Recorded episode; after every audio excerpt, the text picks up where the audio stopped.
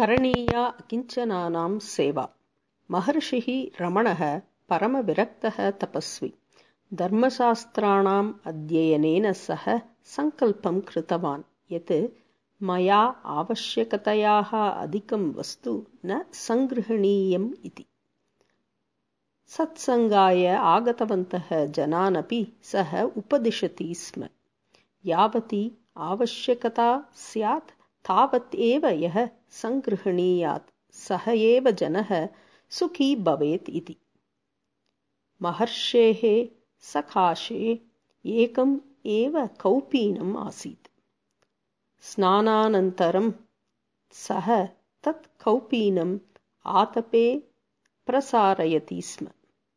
तत् यदा शुष्कं भवेत् तद् सः तत् तरति स्म कस्माचित् अपि किमपि न गृहीतव्यम् इति व्रतम् आसीत् तस्य।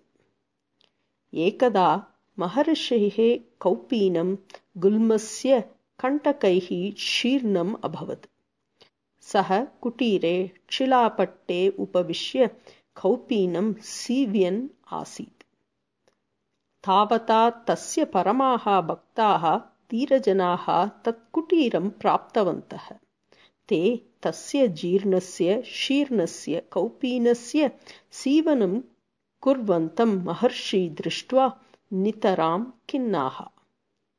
अञ्जलिं बद्ध्वा ते प्रार्थितवन्तः महाराज एतत् कौपीनं जीर्णत्वात् शीर्णम् अस्ति।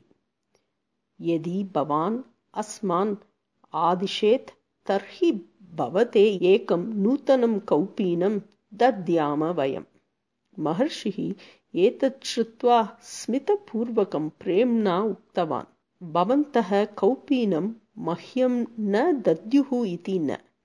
किन्तु किं तेन पुरतः दृश्यताम्? तत्र बालकाः शीतेन कम्पमानाः सन्ति। तत् परिसरे एतादृशाः असङ्ख्याः जनाः सन्ति। ये च शैत्येन कम्पमानाः रात्रि यापयन्ति।